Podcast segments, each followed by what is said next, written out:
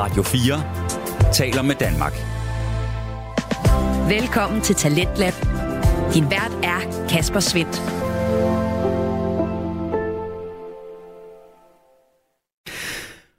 Og øh, uden at prøve at oversælge aftenens program, så synes jeg faktisk, vi byder på tre danske fritidspodcasts i absolut topform.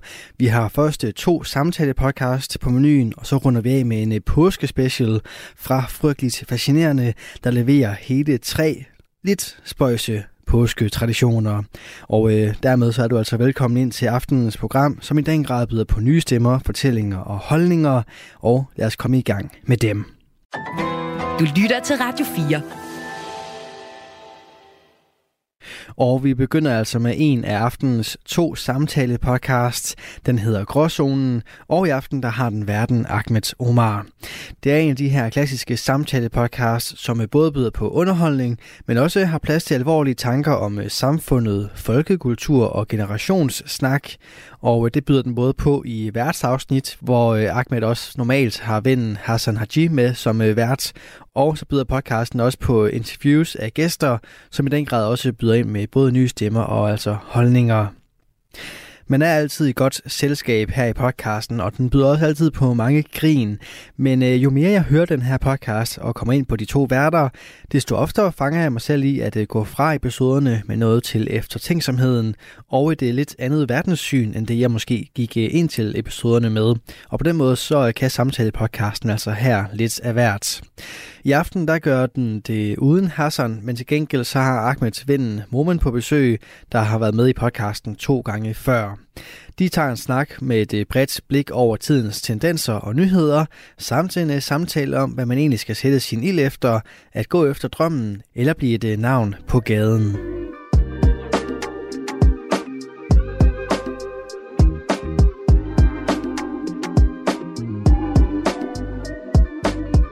Velkommen til Gråzonen med jeres vært, Ahmed Omar.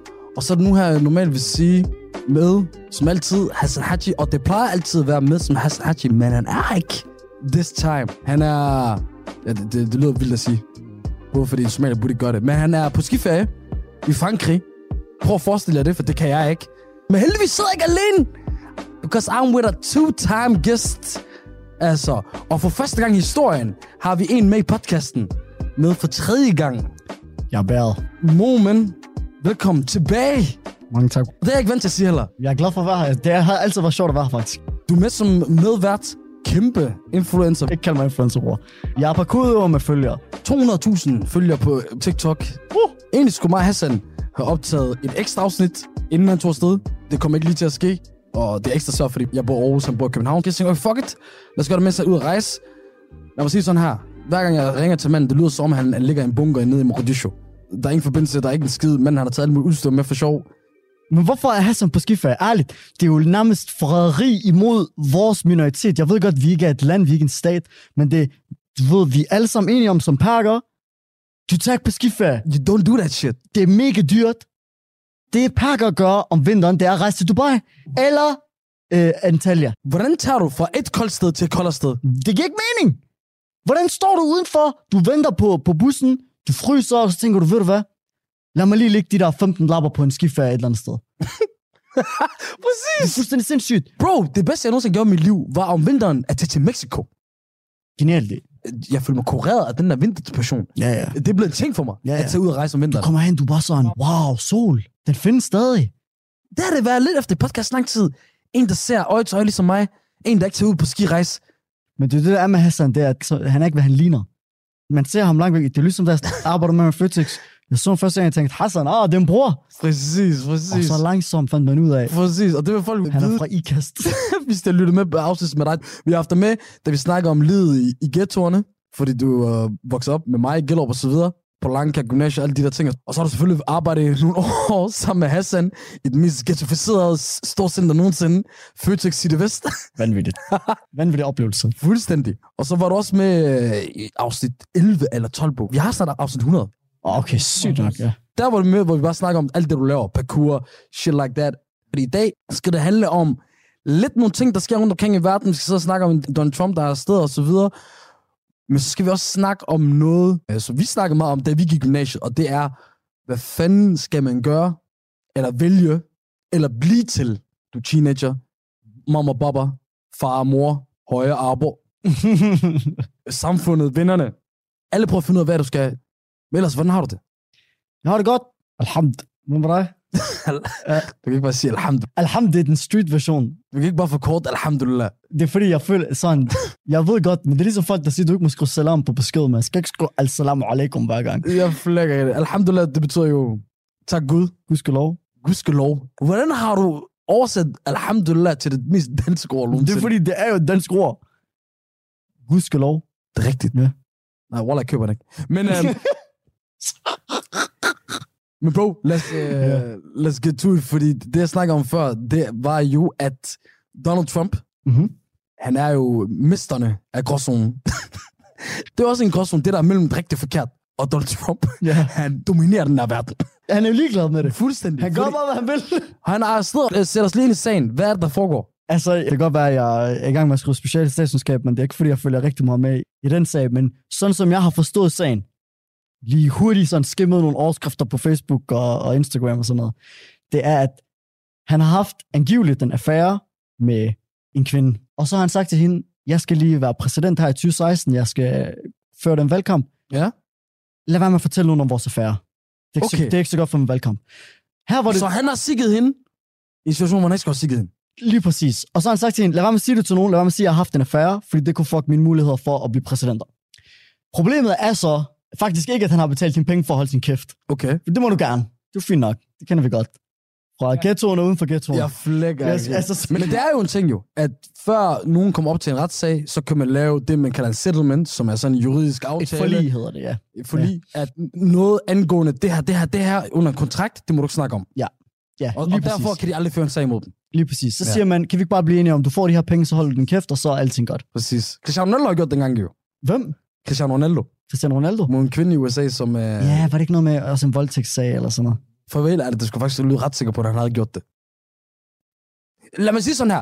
Anklagen var det der, og han betalte en settlement, så du ved, så må man... Øh, Jamen, jeg ved det ikke, men uanset hvad, så vil man jo gerne ikke have, at man, der står i medierne, at man er anklaget for voldtægt. Jeg tror, uanset om man har gjort det eller ej, så er det ubehageligt. det er en god pointe, faktisk. Den er ikke god for ham lige meget, hvad? Uanset hvad, så er det ikke godt for ham. Ashraf Hakimi for PSG og Marokko. Ja, han har også fået en. Ja, ja, han har flere. Og den nægter alle arabere at tro på. Jeg flykker De nægter det. Også fordi der gik for kort tid fra VM. Giv den noget tid. Du ved, Cristiano Ronaldo, han vandt lige nogle ting og sådan noget. Vi er stadig på en love high til Ashraf Hakimi. Man kan ikke tage et hold som Marokko. Vi er alle sammen blevet forelsket. Og så er der Alle. spiller. Selv danskerne kunne lide Marokko. Fordi de var sådan underdogs, og de havde også Bro. rødt på. Og det er som marokkanske, de normalt kan lide det er hashen. og så lige pludselig vil de kriminalisere. Ashraf Hakimi, vi elsker Ashraf Hakimi. Der det er det. Og han er venner med Mbappé. Han havde og... det der billede med hans mor. Ja, han Simone kom med hans mor. han Og hans mor, hans mor lignede alle marokkanske mødre i verden. Vi er enige. Hver evig eneste af dem. Jeg tænkte på en, der kan løbe vokse op ved siden af. De ligner alle det. hinanden. Jeg har stor kærlighed til marokkaner. Der er sådan en speciel bånd mellem øh, marokkaner og somalier. Er rigtigt? Marokkaner, somalier og Balkan. Jeg tror, det er fordi, vi, Balkan. vi er sådan lidt crazy. Du ved godt, de har et land, der hedder Montenegro. Og så videre. Øhm, I forhold til, jo, tilbage til Trump-sagen. Tilbage til Trump. Det, der er specielt ved det der, er jo, Ja. Altså, han måtte ikke bruge kampagnepengene på at betale hende til at holde sin kæft. Han skulle have brugt sine egne penge. lige præcis. Så det er det, han sådan er, der er blevet rejst Ja. anklage for. Jeg tror, der bliver rejst anklage eller tiltale mod ham nu. Det lige nu. Det Lige skal nu. lige nu, mens vi Ja, optager. vi New York. optager tirsdag aften. Og han får højst sandsynligt nok en dom. Og den dom, det er bare en bøde. Men det, der er det vildeste er, han er den første amerikanske præsident, der er anklaget i forbindelse med straffeloven. Jeg tror også bare overhovedet anklaget for noget kriminelt overhovedet. Det- Jeg ved det fandme ikke. Og så fordi han skal være til den her retssag, så er han jo arresteret. Han bliver frihedsberøvet i, i den tid, hvor han er 13. Ja. Så han er den første amerikanske præsident i historien, der er blevet arresteret. Det er sygt. Så du de der AI-billeder af ham, der bliver jagtet af politiet? det var det fedeste, bro. Bro, jeg har lyst til at hænge det op Bro, derhjemme. det så så fucking ægte ud, de der billeder. Jeg, var, jeg troede på det. Jeg var sådan, men han kan ikke løbe. Bro, det der AI Han kan ikke og. ChatGPT, og så, bro, vi skal også lave et afsnit dedikeret til det der, faktisk. Det, det er dejligt, jeg bruger det. South Park kan lille afsnit omkring det. Det var sjovt. Mig og Shabab, vi så det i går. Så du står i South Park? Jeg ser det ikke stadig, men jeg så det Det i er går. meget vores generation. Jeg føler det er sådan en boomer ting, du ved. Ligesom dem, der er på der er 30 nu, de kunne godt lide Friends og The Office og Sopranos og sådan noget.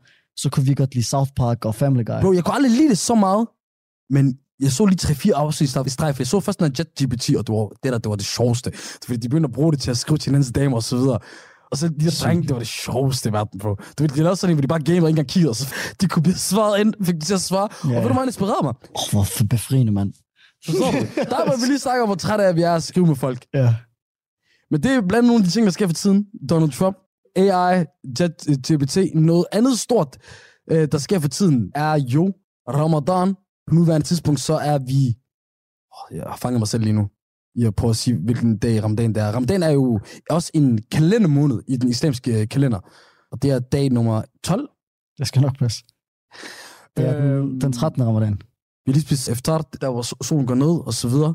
Det er en, øh, en dejlig måned for mig personligt. Jeg er kommet tættere på mine bønder og så videre, som giver mig, giver mig rigtig meget hver dag, specielt når der sker alt for meget herop. Jeg har ikke været så god til at bede mine bønder på det seneste. Men hvordan er ramadan for dig? Der er du jo parkouratlet og så videre. Fysisk gør det der overhovedet noget længere. Altså, det er klart, at man ikke kan strukturere sin træning på samme måde. Du kan ikke præstere lige så optimalt, som du gerne vil. Så på den front, så skal man omlægge sin træning lidt. Men jeg har altid synes det var meget givende, og jeg, jeg ved ikke, jeg tror ikke, man skal tænke så meget over det. Altså sådan, du kan godt ikke spise, og så have en dag, hvor du også træner. Altså, ligesom at folk kunne gå i krig, mens de fastede øh, under ramadan. Ja, hvad med at lave den her, ligesom min far gør? Nej, men det er jo rigtigt. Altså sådan, Min far lavet den der. men du kan jo, I profeten så, men du kan jo sagt, du kan sagtens have en dag uden at spise jo. ja, ja. Ja, Men igen, så sidder du og snakker til en afrikaner og en somalier, forstår du på? Det, det er dårlig stil igen, det du laver. ja. Jeg gør det, jeg gør det svært for dig. Især som araber. Wallah, der er så meget historie der. history. Jeg beklager. Men ja, jeg plejer at være kendt som ham der, du ved. Jeg har festet hver ramadan siden 8-9-10 år. Holdt de fleste dage, hvis ikke alle dage og så videre. Men jeg må... Øh, jeg må ærligt sige, at jeg har strugglet øh, i den her ramadan. Og igen, det er ikke det fysiske. Faktisk, det har måske aldrig været nemmere for mig at holde den fysiske fast. Altså ikke drikke og spise. Det har jeg tænkt over. Men der er jo en ting med, at ens, ens fasten bliver jo ikke accepteret, hvis man ikke beder Ja. sine fem obligatoriske bønder. Og det kommer jo af, at det, der adskiller en muslim Mhm. for at være muslim og ikke muslim, det er jo ens bønder. Mm-hmm. I virkeligheden, og ikke så meget andet, som, som alle andre tror. Øh, så du, der er nogle dage, hvis jeg kan bede mine bønder, så, på, så sidder jeg ikke som en idiot og bare sulter. Hvis jeg godt ved, den er, den er flækket. Ja. Men mindre jeg er hjemme hos min familie, så, eller, så flipper jeg heller ikke. Ja. Så, hvad gør du, hvis du er derhjemme? Har du ikke fastet? Er vi enige? Det er ligegyldigt, hvor gammel du er. Selvfølgelig. Du lader så, om du faster. Selvfølgelig gør du det. Selvfølgelig gør du det. Hvad skulle du ellers gøre? Jeg flækker ikke rin. Selvfølgelig gør Altså, hvad, sgu umuligt? Skal jeg komme op, du ved så, og skulle du til at forklare det, jeg ved ikke hvad. Nej, mor, jeg faldt. Det det. Så var der en vampyt. Det er der, den ligger. Det, jeg tror, den ligger der. Ja, At du skal ikke have den der barnlige samtale. For det er det, du gjorde, du var barn. ja, ja. Ja, mor, jeg blev tørstig. Eller mor, jeg, du ved. Ja, det er rigtigt, du er for gammel til at skulle sidde og forklare det. Det er der, den ligger. For jeg, jeg, jeg var i tvivl om, hvad er det, der gjorde. Okay, hvorfor gider jeg ikke at snakke om det? Ja. Altså sådan, der er jo bare sådan noget med, at det er også lidt pinligt, ikke? Fordi det bliver jo set som en god ting at faste. Du bliver prist for at være en god muslim, og en god muslim, han faster, og, har ikke problemer med at faste, fordi at det, det giver ham mere energi, end det tager fra ham. Men øh, når du så øh, ikke faster, så gider du ikke indrømme det. Det bliver jo set ned på, ikke? Fuldstændig. Eller det gør det ikke. Min, altså, det er jo ikke, fordi mine forældre kommer til at sige, "Åh, du er bare en taber, fordi du ikke faster, men, men sådan, du bliver prist for at faste, og, og hvis du så ikke bliver prist mere, så er det på en eller anden måde et, et nederlag. Lige præcis. Vi kommer her på Gråzonen til at snakke meget mere omkring Ramadan. Mere hen over den her måned her. Men nu vil jeg gerne snakke med dig omkring elsket. Obi. Obama. Der er meget, vi har kendt hinanden, siden vi var, tror jeg, 12-13 år gammel. Du, ved, du, har, du har gået til parkour siden du var 13 år gammel, så jeg tror også, at nærmest da jeg, jeg mødte dig dengang under Globus. Globes. Hvad er Globus? Sportscenter. Ja, det er sådan en idrætshal, der er lige udkanten af Gellerup Park. Lige præcis, lige præcis. Træner Jeg kom- stadig faktisk deroppe. Jamen, jeg så det. Jeg elsker det, bro. Ja. Faktisk, når du løber op på din story. Det minder om de der tider, faktisk. Det er loyal. Jeg har også reageret flere gange. Har du set det? Ja, jeg det har elsker jeg det, når jeg ser, at du, du er derinde. Det er dejligt. Men det minder om det der. Du, startede der øh, 16-15 år siden. Ja, Sådan der. Det er sådan der. 13 år siden. Ikke godt yngre, end du er, habibi. Jeg er 26, bror. Du er også araber, dig. Det var faktisk meget stramt. Jeg har lige fyldt 26. Jeg skal til at kigge på tur til Tyrkiet. Jeg kigger rundt på mine venner. Hvem er ved at blive skaldet? Hver gang jeg sidder i min vennegruppe, så kigger jeg rundt på mine venner, og så sådan, okay, ham der, han er ved at blive skaldet. Jeg flækker. Så tænker jeg på en dag, så tilføjer jeg bare alle til en Facebook-gruppechat, så jeg bare sådan, drenge, vi skal lige til Tyrkiet. Vi, vi sover på det her hotel, fikser vores hår, vi hygger os nede ved poolen, så går vi en tur i Istanbul, og så tager vi hjem igen med, med, med hår i hovedet. Og på hår på hovedet, så skal man også have noget i hovedet, for, for at tage en uddannelse. Eller skal man det? Fordi at, øh, der, må, der var vi rigtig connected og, og mødte hinanden, øh, i hvert fald dagligt. Det var dengang, vi gik i gymnasiet sammen. Langkær. Lang her, Forstår du? LKP, Det er ikke bare i Sval, der gjorde det kendt, hvor de mødte hinanden og lavede musik og så videre. skud til Campapito. Skud til ham Ja. og alle de andre. Men det var også der, hvor alle mulige andre shabab, vi mødtes, og så, og så troede vi bare, at vi skulle hygge os, indtil det gik op for os, hvor det var meget seriøst, det her. Ja, det var problemet, det gik op for dig. Du var sådan, du startede på gymnasiet, især er langkær. Og det fede ved langkær, det var, at i vores årgang, det var 50-50. Så vi hyggede os virkelig meget, men det op for os, at i slutningen af hvert år, så fik vi en karakter, som besluttede, som besluttede hvor meget vi fik i løn, hvor meget vi kunne betale i mahar, og a.k.a. hvilken soulmate vi ender ud med. Ja. Alt det der. Det var for det, vi tænkte dengang. Hele dit liv, det afhang af den der naturvidenskabelige eksamen i første G. Den fucking, øh, øh, hvad er det, AT, den latin noget der. Åh, hvorfor skulle man det der? Og så, jeg fandt ud af alt for sent, at karakteren ikke talte. Er vi enige? Jeg tror, vi alle sammen var i den her situation. Og vi er alle sammen enten for sent, eller, eller lige til sidst. Jeg tror, på dagen, jeg fandt ud af, at det ikke betyder skid. Hvorfor skal vi lære latin? Hvorfor tvinger de en flok pakker på Lanka til at lære latin i år 2015? Det er jo kolonialisering i moderne tid. skulle høre på alle de her dumme penis jokes og så videre. Så, Åh. Staffel. Men i hvert fald... det var for det, man tænkte dengang. Alle de her karakterer, så det afgør virkelig alt. Men øh, ikke nødvendigvis. Fordi allerede der, jeg sagde til mig selv, der gad jeg ikke at fuck med. Fordi så, jeg droppede STX, og så lavede sådan en, en sjov ting. Før det gjorde 2G, og så i stedet for at tage 3G på det 6, så startede på andet år HF. Gjorde du det? Ja, ja. Så HF-klasserne var altid weirdos. Men, Momen. Ja? Var det din oplevelse af det gennem hele gymnasiet? At de her karakterer de altid afgjorde det? Jeg tror, jeg var meget opmærksom om, at, at mange af de studier, jeg egentlig gerne ville søge ind på, de krævede et højt snit. Øhm, og samtidig så, men på en eller anden måde, så prioriterede jeg også min træning rigtig højt. Så jeg havde sådan, og det har jeg stadig sådan accepteret, at jeg ville gå på kompromis med min, med min skole for sådan at træne. Altså parkour? Ja. Så jeg tror på den ene side, øh, jeg vidste godt, at, at karakter var meget vigtigt. På den anden side, så havde jeg ikke sådan tillagt det så stor vigtighed. Men det griner, fordi jeg havde sådan lidt en, en sammenlignelig oplevelse, fordi jeg, jeg kan huske, at da jeg startede på Langkær, Mm. det var basically første gang, at jeg var omgivet af danskere. Øh, sådan på daglig basis. Før det, så gik jeg på Lykkeskolen. Og Lykkeskolen, det var en privatskole, og hø- hold fast shabab og shababs og damer og, og mænd derude, midt i Bazaar Vest. midt i Bazaar, På Wallah. siden af. Wallah, det lyder la- Wallah, det er ikke ved siden. Ja. Mit klasselokal fra 7. til 9. klasse. Du kunne lukke shawarma ind i din Jeg skulle lige til at sige, det var 20 meter og to vægge fra hos Bilal. 20 meter og to vægge, ikke mere. Og der Og den anden væg, det var en papvæg. Ja, det er rigtigt. Jeg har lige husket om den der moské, der var der, Wallah. Jeg glemte alt om den. Nede i kælderen, ja. Ja, ja. Vi havde nogle gange idræt dernede. Hej det? Nede i moskeen? Dengang havde vi nogle gange, ja, ja.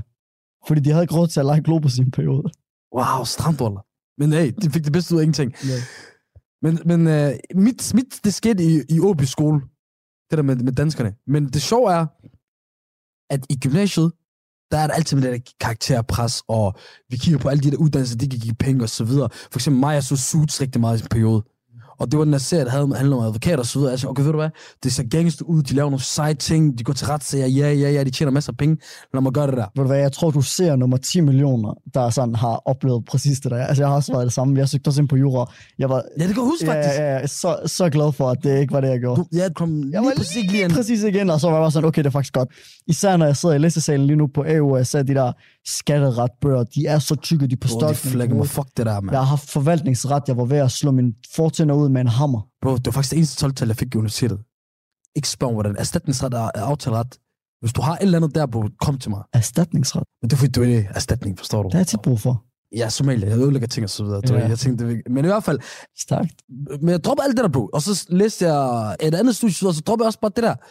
I dag, så laver jeg de her podcasts, vi laver de her shows ved siden af, fordi at i hele mit liv, så vidste jeg godt, okay, jeg vil gerne lave et eller andet entertainment, bro. Jeg svær, min mor, det tidligste, hun kunne beskrive noget, jeg lavede, det var, at hver gang vi så tv, hvis der var nyhedsværter, eller der var nogle gameshows, eller andet. Hvis der er nogen form af en, for en vært eller andet, Mhm. så, så plejede min mor at sige, at jeg pegede på det der helt konstant, og så sagde jeg, mor, det bliver en dag. Mm. Plejer at sige til mig, at øh, hun blev altid meget mærke i, at jeg sagde aldrig hvis, eller vil, øh, eller vil gerne. Ja. Jeg er jo ikke hvis. Jeg sagde, at det bliver en dag. Mm. Og, og så er det så, at man har sådan en ild, når man er barn. Mm. Jeg skal være Spider-Man, jeg skal være Astronaut. astronaut, alle de der ting og så. Og så er det så om, det der, det forsvandt. Mm. Og man tror, det er bare noget, der sker, fordi man vokser op. Nej, bro. Det er samfundet, det er ens lærer, det er ens forældre, det er forventninger, man skaber til sig selv, der gør, at du lige pludselig får at vide, okay, nej, jeg kan ikke gøre de der ting, jeg kan gøre de ting, i hvert fald for mig. Og så er det sådan, okay, og specielt der, hvor vi voksede op, jeg sad og snakkede med en her forleden, dem jeg gik klasse med i 0. og 1. klasse, hvis vi var ni drenge, fire, fem af dem, de er, altså halvdelen, de er bandmedlemmer i dag. Forstår du? Nogle af de drenge, jeg gik, gik klasse med, de døde i dag. Ja. Så for os var det altid, enten var det uddannelse, eller så var det gaden. Og så var det lidt op til dig, om du vurderede, om gaden, det var top, eller... Jeg følte dengang, jeg følte dengang uddannelse var der, bror. For mig ikke, altså, intellektualisme i Brabrand, det var ikke øh, øh, Machiavelli, eller øh, Kant, eller alle de der store filosofer. Og det var sådan nogen som Tupac. Det var sådan nogen som Marwan. Du ved, når man hørte Marwans tekster, når man læste, hvis man skulle snakke om kvinderettigheder, man citerede Tupac sang, der mamma, og sådan noget. Du ved, alle de der ting. Det var det der, man dyrkede. Det var, altså for mig var det første, jeg kom ind i Aarhus Parkour, at, at jeg mødte folk, som jeg synes var forbilledelige, øh, som gik på en uddannelse. Så sådan, jeg, jeg, kan godt, jeg kan godt forstå sådan noget med, at man, man kan ikke helt se, man, har, man har ikke de der personer, man ser op til på samme måde. Fuldstændig, fuldstændig. Det er meget interessant, det der. Radio 4 taler med Danmark. Du er skruet ind på programmet Tendens Lab her på Radio 4, hvor jeg, Kasper Svindt, i aften kan præsentere dig for tre afsnit fra Danske Fritidspodcast. Her først er det fra Gråzonen, som øh, i aften har verden Ahmed Omar, og øh, han har gæsten Momen på besøg til en øh, bred snak omkring det at gå efter drømmen, eller at blive et navn på gaden. Det er den samtale, vi vender tilbage til her. Tror du, det også har noget at gøre med, at yani, vi kom, hvor vi kom fra, specielt der, du var dybt i det. Fordi jeg føler også, at jeg var dybt i det i en, en, en organisation, men, men Lykkesro privatskole, så er du ikke engang, så er det ikke engang så meget, hvad skal jeg sige, offentlig sektor, du er en del af, forstår du? Ja, ja. Privat ejet af andre muslimer, og Altså, der var også danske lærere og sådan noget, men jeg vil helt klart sige, at jeg tror bare, jeg tænker tilbage på dengang, og så de autoriteter, der var i skolen, dem gider jeg ikke at høre på, jo. Det er jo ikke nogen, jeg ser som forbilledelige rollemodeller. Altså, min dansk lærer eller min historielærer var jo ikke nogen, jeg sådan så som, selvom de var, jeg synes, de var mega flinke og rare og sådan noget, og jeg, og jeg øh, er glad for alt det, de har givet mig. Det var ikke dem, jeg sådan så op til som sådan. Og på samme måde, mine forældre, man lytter ikke til sine forældre, når man er teenager, desværre. Nej. Jeg lytter rigtig meget med til mine forældre nu, end jeg gjorde dengang. Så de seje personer, jeg så, det var dem, jeg, jeg mødte på gaden, som man havde ikke rigtig fundet ud af, at dem, der gik på universitetet, de faktisk kunne være, kunne være grove nok på en eller anden måde. jeg synes som sagt stadigvæk, at det var måske mere spændende, det andet, men jeg tror aldrig, jeg har tænkt, at det der på gaden var sejr. Det tror jeg aldrig, jeg har tænkt. Mm. Jeg tror, at min far var meget god til at installere i mig, at der er ikke noget sejt over det der. Der er ikke noget gangster over det der. Mm. Ved, Det er nogle gange lettere, og så videre. Og det er 100% den, den lette vej. Ja. Det er måske ikke den, den rigtige vej. Men, men, men der på gymnasiet, bro. Ved du, problemet også var? Mm. Med, også med unge i dag. Yani, de vælger at gå gennem det alene, selvom de fucking alle sammen samlet. Du ved. Selv dig og mig, bro. Du ved. Vi, vi strugglede alle sammen. Ja, ja. Alle sammen, bro. Ja. Du ved, det eneste, det eneste der hygger sig, det er somaliske piger. Men det første, jeg hjemme, derhjemme, de, de, de skulle også være storebror, far og alt muligt. Dem der, de, ja. de der der science struggle. Men skolen, de har styr på det. Uh, generelt piger, men også drenge. Indvandrerdrenge. Også dengang vi skulle komme op på. For, uh, folk, de tror, det, det er hårdt i dag, og det er det også. Fordi at udover forventninger, der er for samfundet, så er der også alt det der med sociale medier og så videre. Forstår du? For eksempel, jeg snakker med nogle unge, øh, når snakker unge, sådan helt i 12, 13, 14 års alder, omkring FOMO. FOMO, det er den der fear of missing out. Hvis du tænker over det, det er der, der var ikke en ting for os, da vi var børn. Og det på af sociale medier, bro. Vi kunne ikke, bro, du var sammen med hvem du var sammen med. Du vidste ikke, hvad alle andre lavede. Ja. Det er selvfølgelig rigtigt. Men, men ja, altså, ej, jeg ved ikke, der var en, ja, det er rigtigt nok, hvad du siger. Selv de shabab. Det er, ved du, hvor vi havde FOMO? Og altså alligevel ikke. Det er, når du har hørt om det efter. Nej, det er mere det, hvis du ikke var i skole en dag, og skete alt muligt. For hvad er det, den havde du ikke, for du havde det fedt, du går i skole. Forstår du? Så jeg svarer, det er minimalt. Det er jo det eneste tidspunkt, det rigtig kom ind i vores liv. Det eneste tilfælde, der var sådan rigtig FOMO, det var, hvis man ikke blev inviteret til fester og så videre. Men det kræver også, at man gik på danske skoler, så det Ja, jeg skulle lige til at sige, at jeg blev ikke inviteret til fester. Må du sige, at sove hjemme hos dine venner, da du var barn? Umuligt. Umuligt. Meget så hos mine venner. Uh, samme her, samme her. Jeg må stadig ikke. Men tilbage til det, vi, vi snakker om. Du er en, der har fundet en kæmpe karriere i parkour, og fået flere sponsorships af, af det, jeg har tjent nogle penge af det, øh, la- lave nogle events og så videre, også nogle events, vi, hvor, vi er, hvor du også involverer mig i det og så videre. Øhm, samtidig med, er du fucking gang, mens vi snakker med de speciale i statskundskab. Jeg så og skriver, mens vi er på podcasten lige nu. Det er lige for Waller. Jeg, jeg, jeg, jeg kan i hvert fald mærke, at du sidder og tænker over det. ja, det gør jeg engang imellem. Altså, det fylder ret meget. Altså, det, men, Hvis du fra start af, at du ikke gad at vælge imellem, ligesom jeg for eksempel gjorde, at jeg valgte the podcast live og, og, og det, der fungerer for mig og så videre. Hvis du godt fra start af, at okay, du vil gerne have begge dele. Både parkouren og skolen. Du vil virkelig gå all in på begge dele. Du er, du, du er en af de få, jeg kender. Næsten det eneste, der går virkelig all in på begge dele. Jeg, jeg er glad for, at det er din oplevelse, men jeg tror også, at det er meget sådan, sådan jeg ser det. Jeg tror, jeg er inde... Altså, jeg, jeg er meget passioneret om begge dele. Altså, jeg, kan, jeg sidder på, når jeg sidder på skolen og skriver på mit speciale, så er sådan, det er med lige så stor fordybelse og engagement, som hvis jeg er til en parkour-træning. Og, og hvorfor det? For du er passioneret omkring det. Jeg er passioneret omkring det. Det er jeg rigtig Ja. glad for, og jeg synes, at, jeg synes, at det giver mening, og jeg synes, at det jeg bidrager til, det giver mening. Øhm, jeg er selvfølgelig også rigtig passioneret omkring parkour. Det er måske lidt mere sådan håndgribeligt at være passioneret omkring, fordi at det er sådan en hobby. Det er noget, folk ser som en hobby. Men, men begge dele for mig er mega interessante. Da jeg kom ind i mit sabbatår, der lavede jeg allerede parkour. Så gik jeg all in Ja. på det. Øhm, jeg var så heldig, at det blev øh, ret hurtigt sådan mit øh, nærmest fuldtidsarbejde. Øh, jeg underviste meget dengang øhm, og trænede rigtig meget parkour ved siden af, øh, udviklede mig rigtig meget parkourmæssigt, og jeg vidste også godt, at jeg øh, nød den der, hvad skal man kalde det, sådan øh, akademiske stimulering, som er at gå på universitetet. Øh, og jeg synes, statskundskab var rigtig spændende. Altså, jeg startede faktisk på religionsvidenskab, men uanset hvad, så vidste jeg, at jeg gerne ville gå på universitetet. Der var rigtig mange øh, fag, som jeg synes var spændende, især sådan samfundsvidenskabeligt anlagt. 100 Øh, og det er også derfor, jeg er endt på statskundskab. Og hvad vil det råd så være til, til unge, der sidder og tænker, jeg har en drøm, men jeg har det her, der jeg tror, der giver mig en fremtid. Hvad skal jeg gøre? Altså, jeg tror, jeg tror, det er lidt forskelligt. Altså, jeg kan godt mærke, at jeg er sådan en, der bare... Øh, jeg mærker, hvad, der, hvad jeg synes er engagerende og interessant, og Mm. hvad jeg er passioneret omkring, og så gør jeg det på daglig basis. Øhm, og hvad end det indebærer, om det er at starte øh, at gå fra universitetet til at gå på universitet, eller gå fra gymnasiet til at gå på universitetet, eller om det er at tage ned i et fitnesscenter, fordi så kan jeg lave bedre parkour. Altså, jeg hader at være i et fitnesscenter, men jeg ved, det faciliterer bedre parkour. Så gør jeg det. Så jeg, jeg indretter bare sådan min, min day-to-day i forhold til, hvad jeg øh, synes er interessant, og hvad jeg synes er, er, er spændende.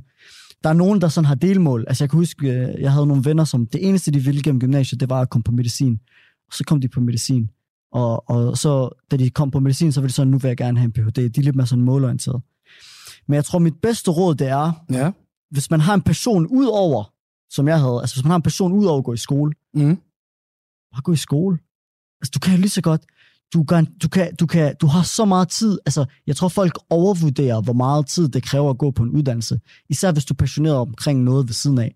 Altså, du kan, du kan sagtens øh, bruge rigtig lang tid på det, du er passioneret omkring uden for skolen, og så samtidig øh, at passe din skole.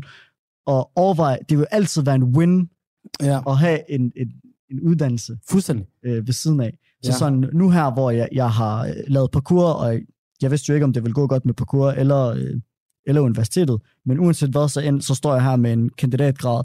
Øh, så havde jeg været tilfreds, hvis jeg ikke havde taget den øh, kandidatgrad. Ja, det havde jeg nok, men er jeg ikke mere tilfreds, fordi jeg har fået den kandidatgrad? Jo, virkelig, virkelig meget. Jeg er rigtig glad for den, og den har givet mig rigtig meget, og øh, man undervurderer også, hvor meget øh, udvikling, personlig udvikling, man opnår igennem en uddannelse. Fuldstændig. For det der, det breaks you and makes you. Lige præcis. Så, Ja, ja, så det har hjulpet min parkour, at jeg har gået på universitetet. Jeg tror 100% på. Altså, bare Ja, ja, sådan helt lavpraktisk for eksempel. Jeg kan finde ud af at, at læse videnskabelige studier, som hjælper mig med at tilrettelægge min træning. Fuldstændig. Men så er der... Og det her, det er en mand, der godt vidste tidligt. Jeg ved godt, du selv siger, du, du kom med et eksempel med dem, der læste øh, til medicin, så de havde mål for start, og så gør det dit og dat. Du var lidt det samme, fordi for dig du, er, du er ikke langt fra. Du er altid lidt politisk orienteret. Det skulle gerne handle om et eller andet jura, øh, statskundskab og så videre. Det var også altid parkour. Der, så, så er der sådan en som mig, som, øh, som ikke vidste, hvad han skulle gøre. Mm. Og det værste, jeg gjorde, det var, at jeg bare startede på uddannelse med det samme. Walla, du gymnasiet direkte for uddannelse, det skulle jeg have gjort. Men, Den mit, giver en råd, god løn, den har.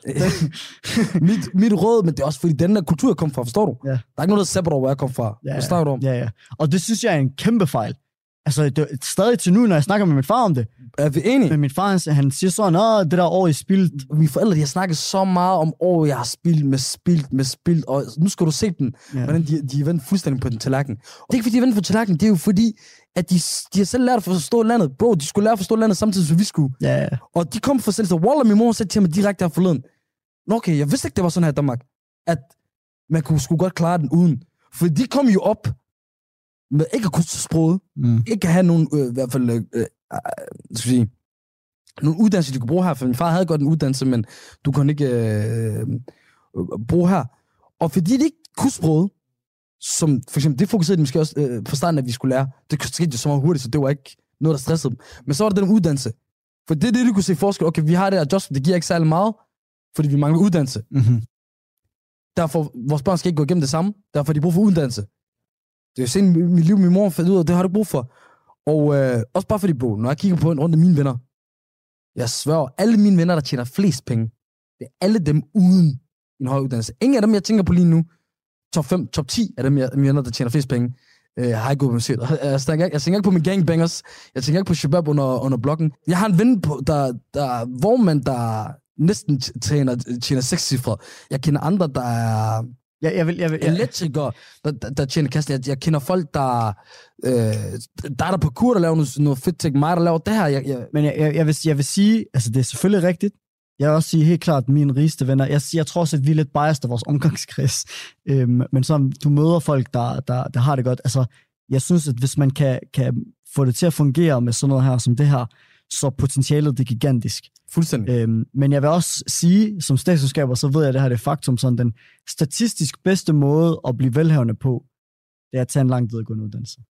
Ja, ja, ja, ja. Hør, gennemsnitligt, ja, ja. Ja, ja, men hvis du vil op i ekstremerne eller sådan noget, ikke? Men det er jo også sådan, det, det er sådan, det gennemsnitligt. Det er normalt, hvordan du tjener mange penge på. Jeg vil sige, dem der, der Nej, går vi ud og laver snakker- de der... Men hør, i sidste ende, det handler ikke om pengene.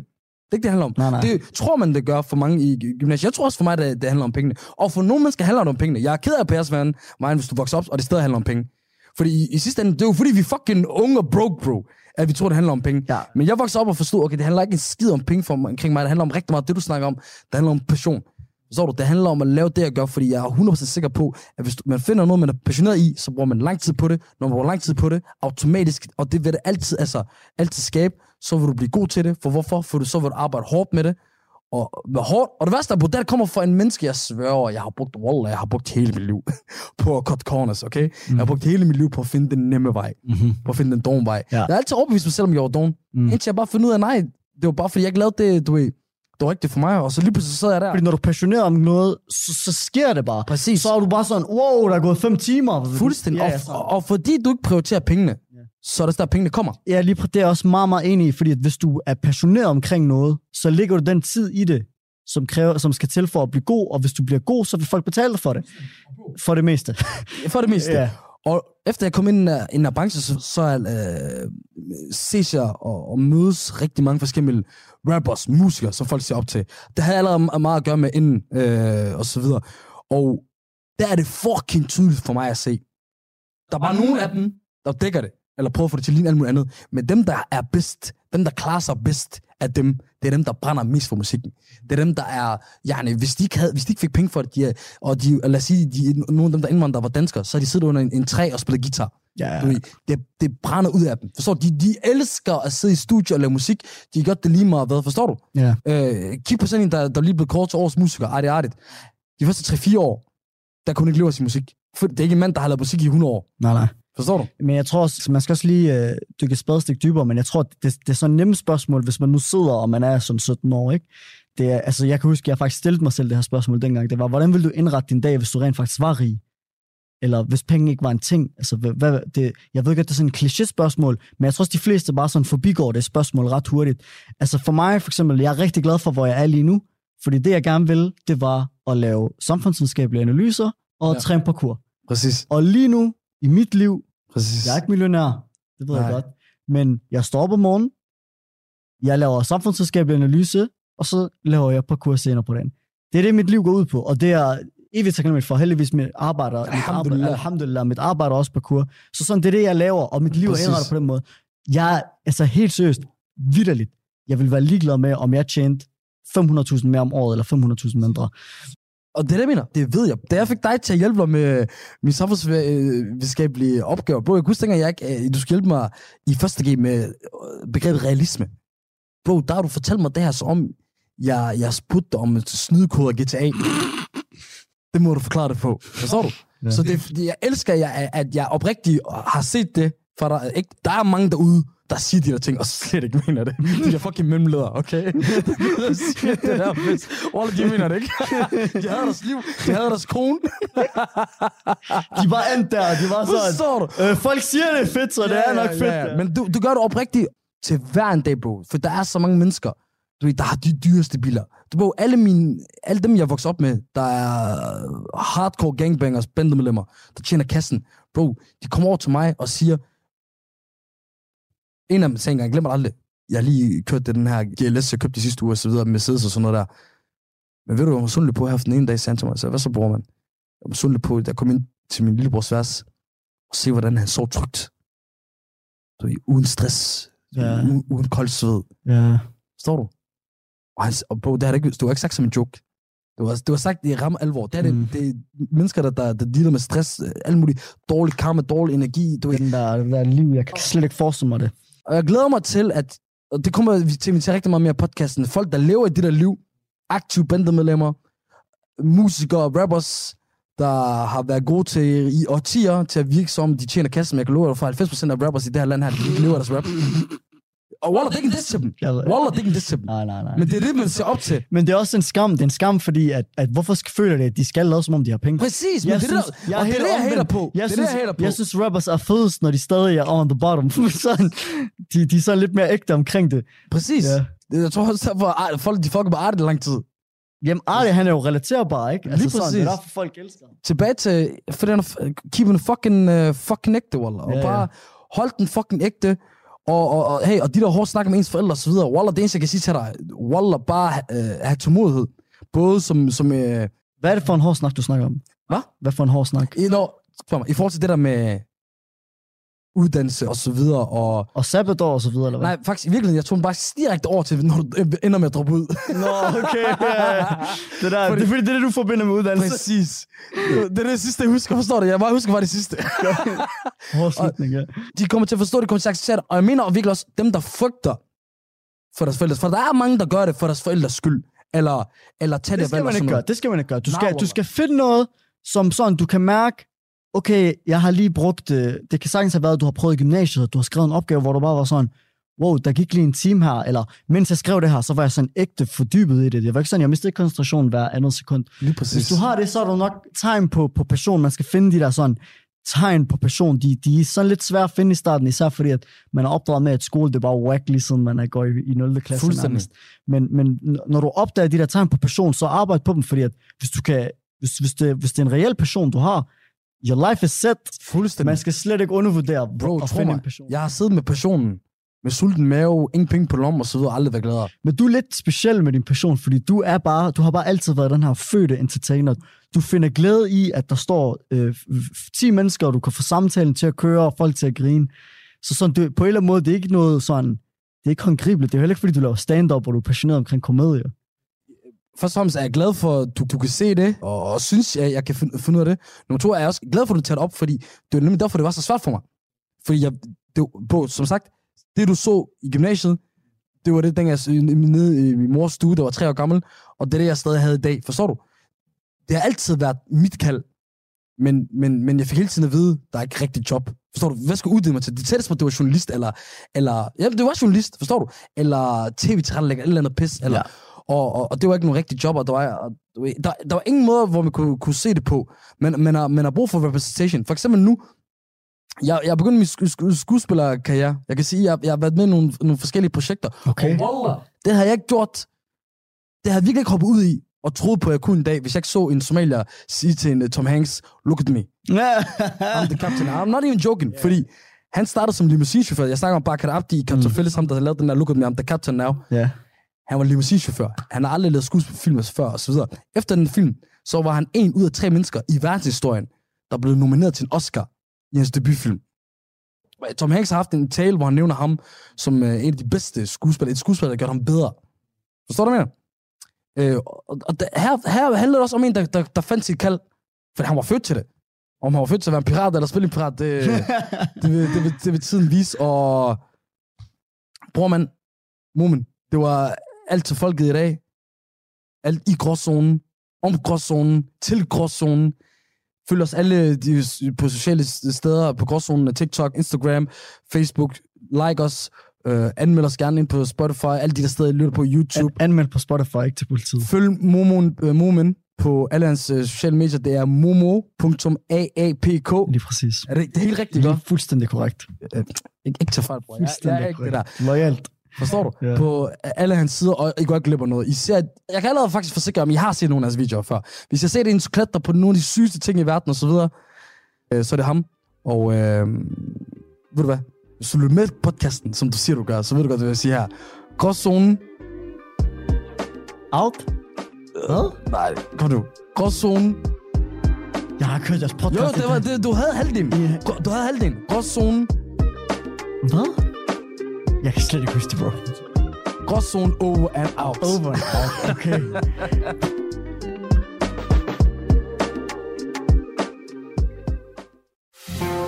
Du lytter til Talentlab på Radio 4.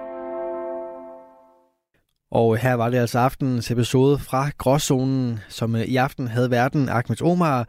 Der manglede hans øh, faste medvært Hassan Haji, men til gengæld så havde han altså vennen Momen med til en snak omkring det at øh, gå efter drømmen eller blive et navn på gaden. Du kan finde samtalepodcasten herinde på din foretrukne podcast tjeneste på YouTube og også på det sociale medie Instagram.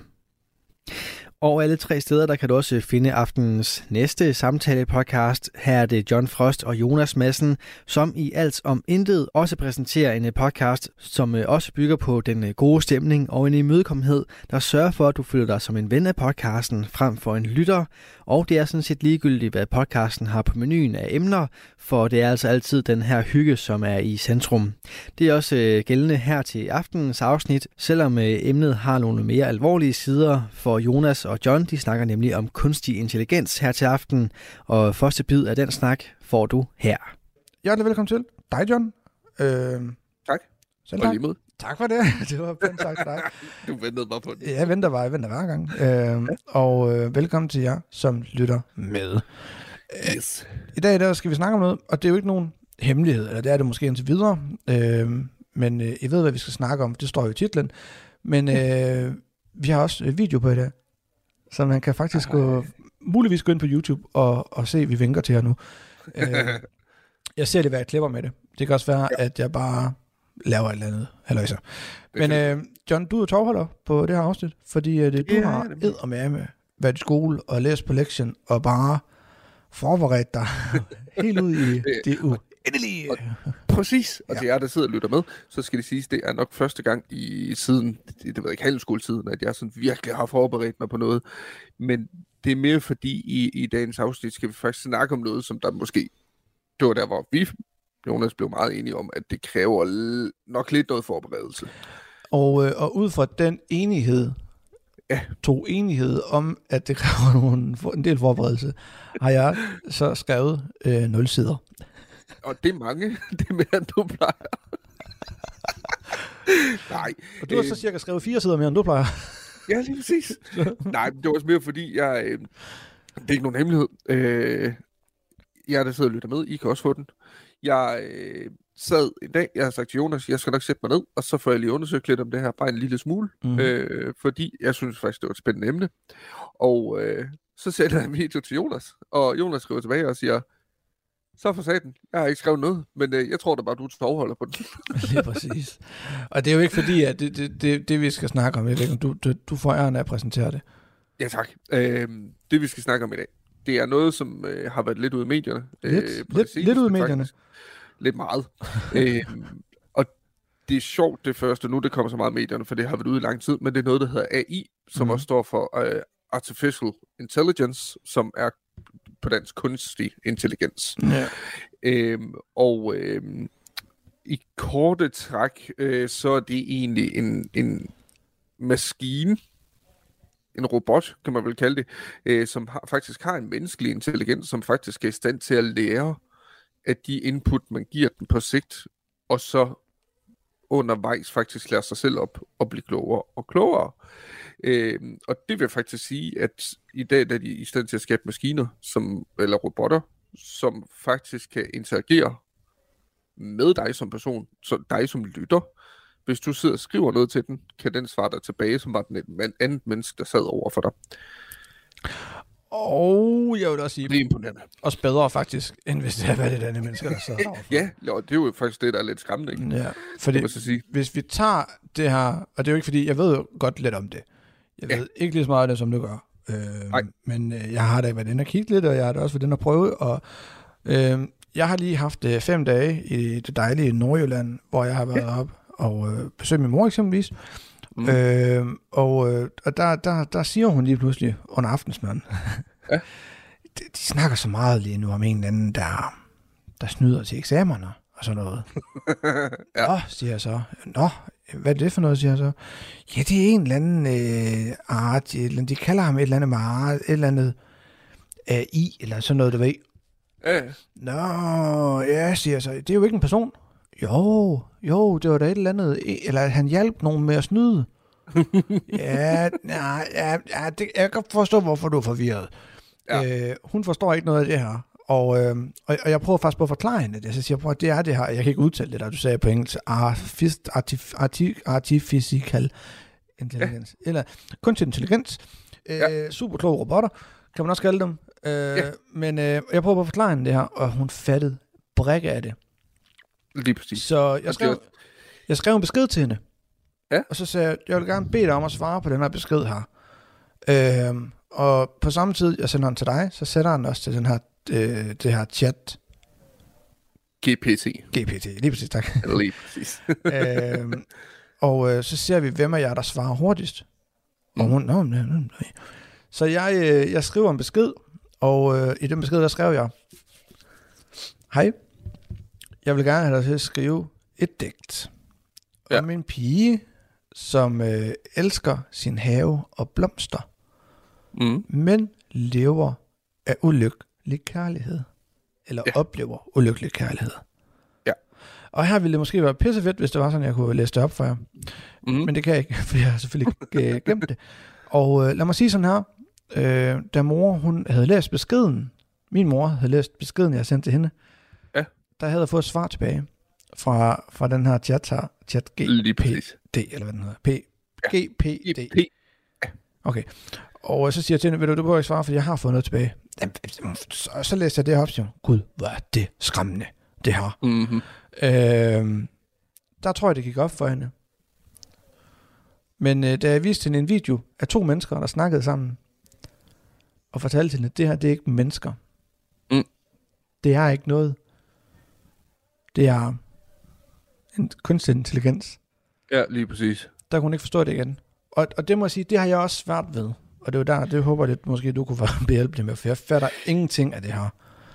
Jeg ved ikke, om man kan være behjælpelig med det, fordi altså, jeg, jeg har kun det kendskab til det, som jeg selv har haft interesse for indtil videre. Øh, og, og det skal lige siges øh, til jer, der sidder og, og lytter med lige nu. Øh, AI er jo en, en kæmpe verden, øh, og det har jo eksisteret i øh, sindssygt lang tid, Mm. faktisk. Øhm, og det eksisterer også i mange daglige ting. Øhm, det er jo faktisk ikke kun det her nye chat GPT, som mange har hørt om, som, som skoler har begyndt at, eller eh, stu, studerende og elever og sådan noget, de begynder at bruge i forhold til eksamensskrivning og alt muligt. Øhm, det, øh, jeg, jeg var inde og finde det, øhm, og øh, skrev egentlig bare på Google, øh, kendt AI fra dagligdagen, mere eller mindre. Mm. Øh, og der kom jeg frem til sådan noget som øh, Google Maps og navigation for eksempel. Det er AI. Det er artificial, artificial intelligence, som bruges til det. Ja. Så er der øh, sådan noget som ansigtsgenkendelse, som er på mange af de nyeste telefoner. Ja. Øh, man ved, der hvor man kigger på telefonen, skærmen låser op, du skal ikke taste noget kode.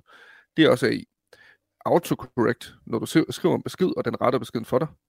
Det er også AI. Den kan også lære af de ting, du skriver, at med sigt, på sigt, så kan det være, at den tænker, Nå, jeg troede faktisk, jeg stavede det rigtigt, men nu staver du det sådan her hver gang, så derfor tror jeg faktisk, det er rigtigt.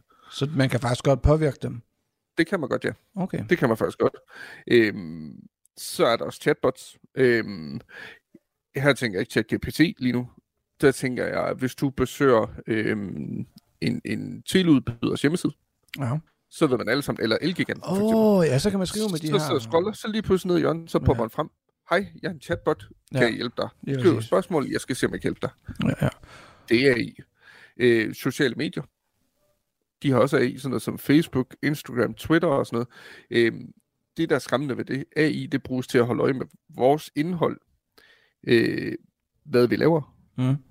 Det er med til at foreslå nye mennesker, nye bekendtskaber. Det kan være, at den kan se på nogle ting og så sige, hov forresten, I to har været det samme sted, og I kender begge to den her person, så muligvis kender du også personen. Det er så sindssygt. Lige præcis. Øhm, så, så i korte træk, så er AI, kunstig intelligens, det er vanvittigt udbredt i dag. Ja. Mere end man nok går og regner med i dagligdagen. Så man kan sige, man, For- man, undskyld, hvad? Undskyld. Jamen det er egentlig bare for, for at sige, fordi det er jo bare noget, der er så, så, altså, så inkorporeret i os i dag, Ja. at man tænker, om det er da meget normalt, at man kan låse telefonen op i sit ansigt, for eksempel. Men, men det, her, det her, du fortæller nu, det, jeg anede jeg, jeg anede det overhovedet ikke, at det Nej. også, egentlig også er, og at- det gælder god mening, når du siger det selvfølgelig, at det er jo også en eller anden form for en kunstig intelligens, eller en AI, eller hvad det hedder. Ja, lige præcis. Øh, fordi jeg har det taget mig selv i at tænke, at hold kæft, det er skræmmende, hvad, hvad den her udvikling, den egentlig kan nu. Ja. Øh, at den kan, den kan tage et billede, som jeg lægger op, og så kan jeg øh, med noget, nogle kommandoer, eller med at trykke på nogle knapper, øh, sige og bede den her kunstig intelligens om, og så øh, skifte min trøje ud, jeg har på nu, til Mhm. mm-hmm. øh, en, øh, en netundertrøje, hvis det var det, jeg ville have på. Og Lige den, præcis. og den skulle være orange. Så kan jeg trykke, ja. Øh, gøre det der, og så trykke generer. Og så tager den det billede, jeg har lagt op, fjerner min trøje og giver mig en netundertrøje på, og så ser det super realistisk ud. præcis. Altså, jeg så nogen, der gjorde det der, og det var med en lædervest, eller en læderjakke, hvor det var sådan, at ja. Han ville gerne have en læderjakke på, så kunne han godt tænke sig at se fem år yngre ud. Mm. Øh, I stedet for 25, så kunne han godt tænke sig være 20 år, og så kunne han egentlig godt tænke sig, at den her lædervest, den også var guld. Øh, og så skulle billedet, det skulle være sådan fra siden af. Ja. Så det bedte han den her kunstig intelligens om, og så da han var færdig med ligesom at fortælle, hvordan billedet skulle se ud, så trykker han mm. Mm. generer, eller hvad fanden han trykkede. Der Ja. gik 5 sekunder, 10 sekunder max, og så havde han det her billede, og du kunne ikke se den her vest, eller den her jakke her, den her læderjakke her. Altså, du kunne ikke se. Mm. altså normalvis, når folk i Photoshop eller andet, hvis man sådan, så ved man, hvad man skal kigge efter, og så kan man godt sådan se lidt en gang imellem, her er der noget. Lige præcis. Det kunne du ikke have. Og, og jeg synes, det er skræmmende. Og Mm. mm. det er jo der, hvor man tænker, okay, det er skræmmende, hvor langt de er kommet. Og jeg vil også sige, nu har jeg, jeg har ikke altid fulgt med i AI. Det er først Nej, nej. her på det seneste, jeg er begyndt på det sådan for alvor, for jeg synes, det er spændende. Øh, og der synes jeg bare, at det har taget en vanvittig udvikling i forhold til, hvad det kan. Øh, og, og, og der kan man øh, tage sådan noget som, vi kommer ind på ChatGPT for eksempel. Øh, til, til jer, der sidder og, og lytter med, øh, der kan man sige, ChatGPT, der, der er nok mange af jer, der har hørt om det. Der er nok også nogen, der ikke har. Der, er i hvert fald, der har i hvert fald været utrolig meget snak omkring både kunstig intelligens, men især den her chat her. er. Ja, lige præcis. Ja. Det er øh, PT en, en, en gratis løsning, mm. men du kan faktisk også godt betale dig. Øh, årsagen til det, det er fordi, du kan indtaste noget, der hedder en prompt. Og det er... Øh, en prompt, det er egentlig bare, du giver den besked på, øh, det skal du gøre for mig. Okay. og så gør den det. Der er en begrænsning på, når du er gratis medlem. Øh, så jeg kan ikke huske, hvor mange begrænsninger der er om dagen, eller om ugen, eller hvad det er. Øh, når du så betaler for det, så har du flere. okay. Øh, hvilket giver god mening, kan man sige. Så du overlaster ikke serverne på samme måde. Så det du siger, det er, at man kan bede den om noget, men hvis man ikke betaler for det, så de her begrænsninger, det er egentlig, hvor mange gange i løbet af dagen, du kan bede den her chat Om, om at gøre noget for dig. Skrive et digt, skrive en sang, eller din næste opgave, eller et eller andet. Lige præcis. Ja. Du lytter til Radio 4. Og øh, her var det første bid af Alt om Intet, en uh, samtale-podcast, som uh, vi vender tilbage til i time 2 af aftenens program. Men vi skal selvfølgelig lige have et par nyheder her på Radio 4, inden vi vender tilbage til øh, det univers. Og i næste time, der får du altså også et øh, helt afsnit fra Frygteligt Fascinerende, hvor Maria Kudal står klar med hele tre påsketraditioner, der er lidt, øh, lad os kalde dem, spøjse. Men først altså nyheder fra en, som jo overhovedet ikke er spøjs, nemlig verdens bedste nyhedsoplæser.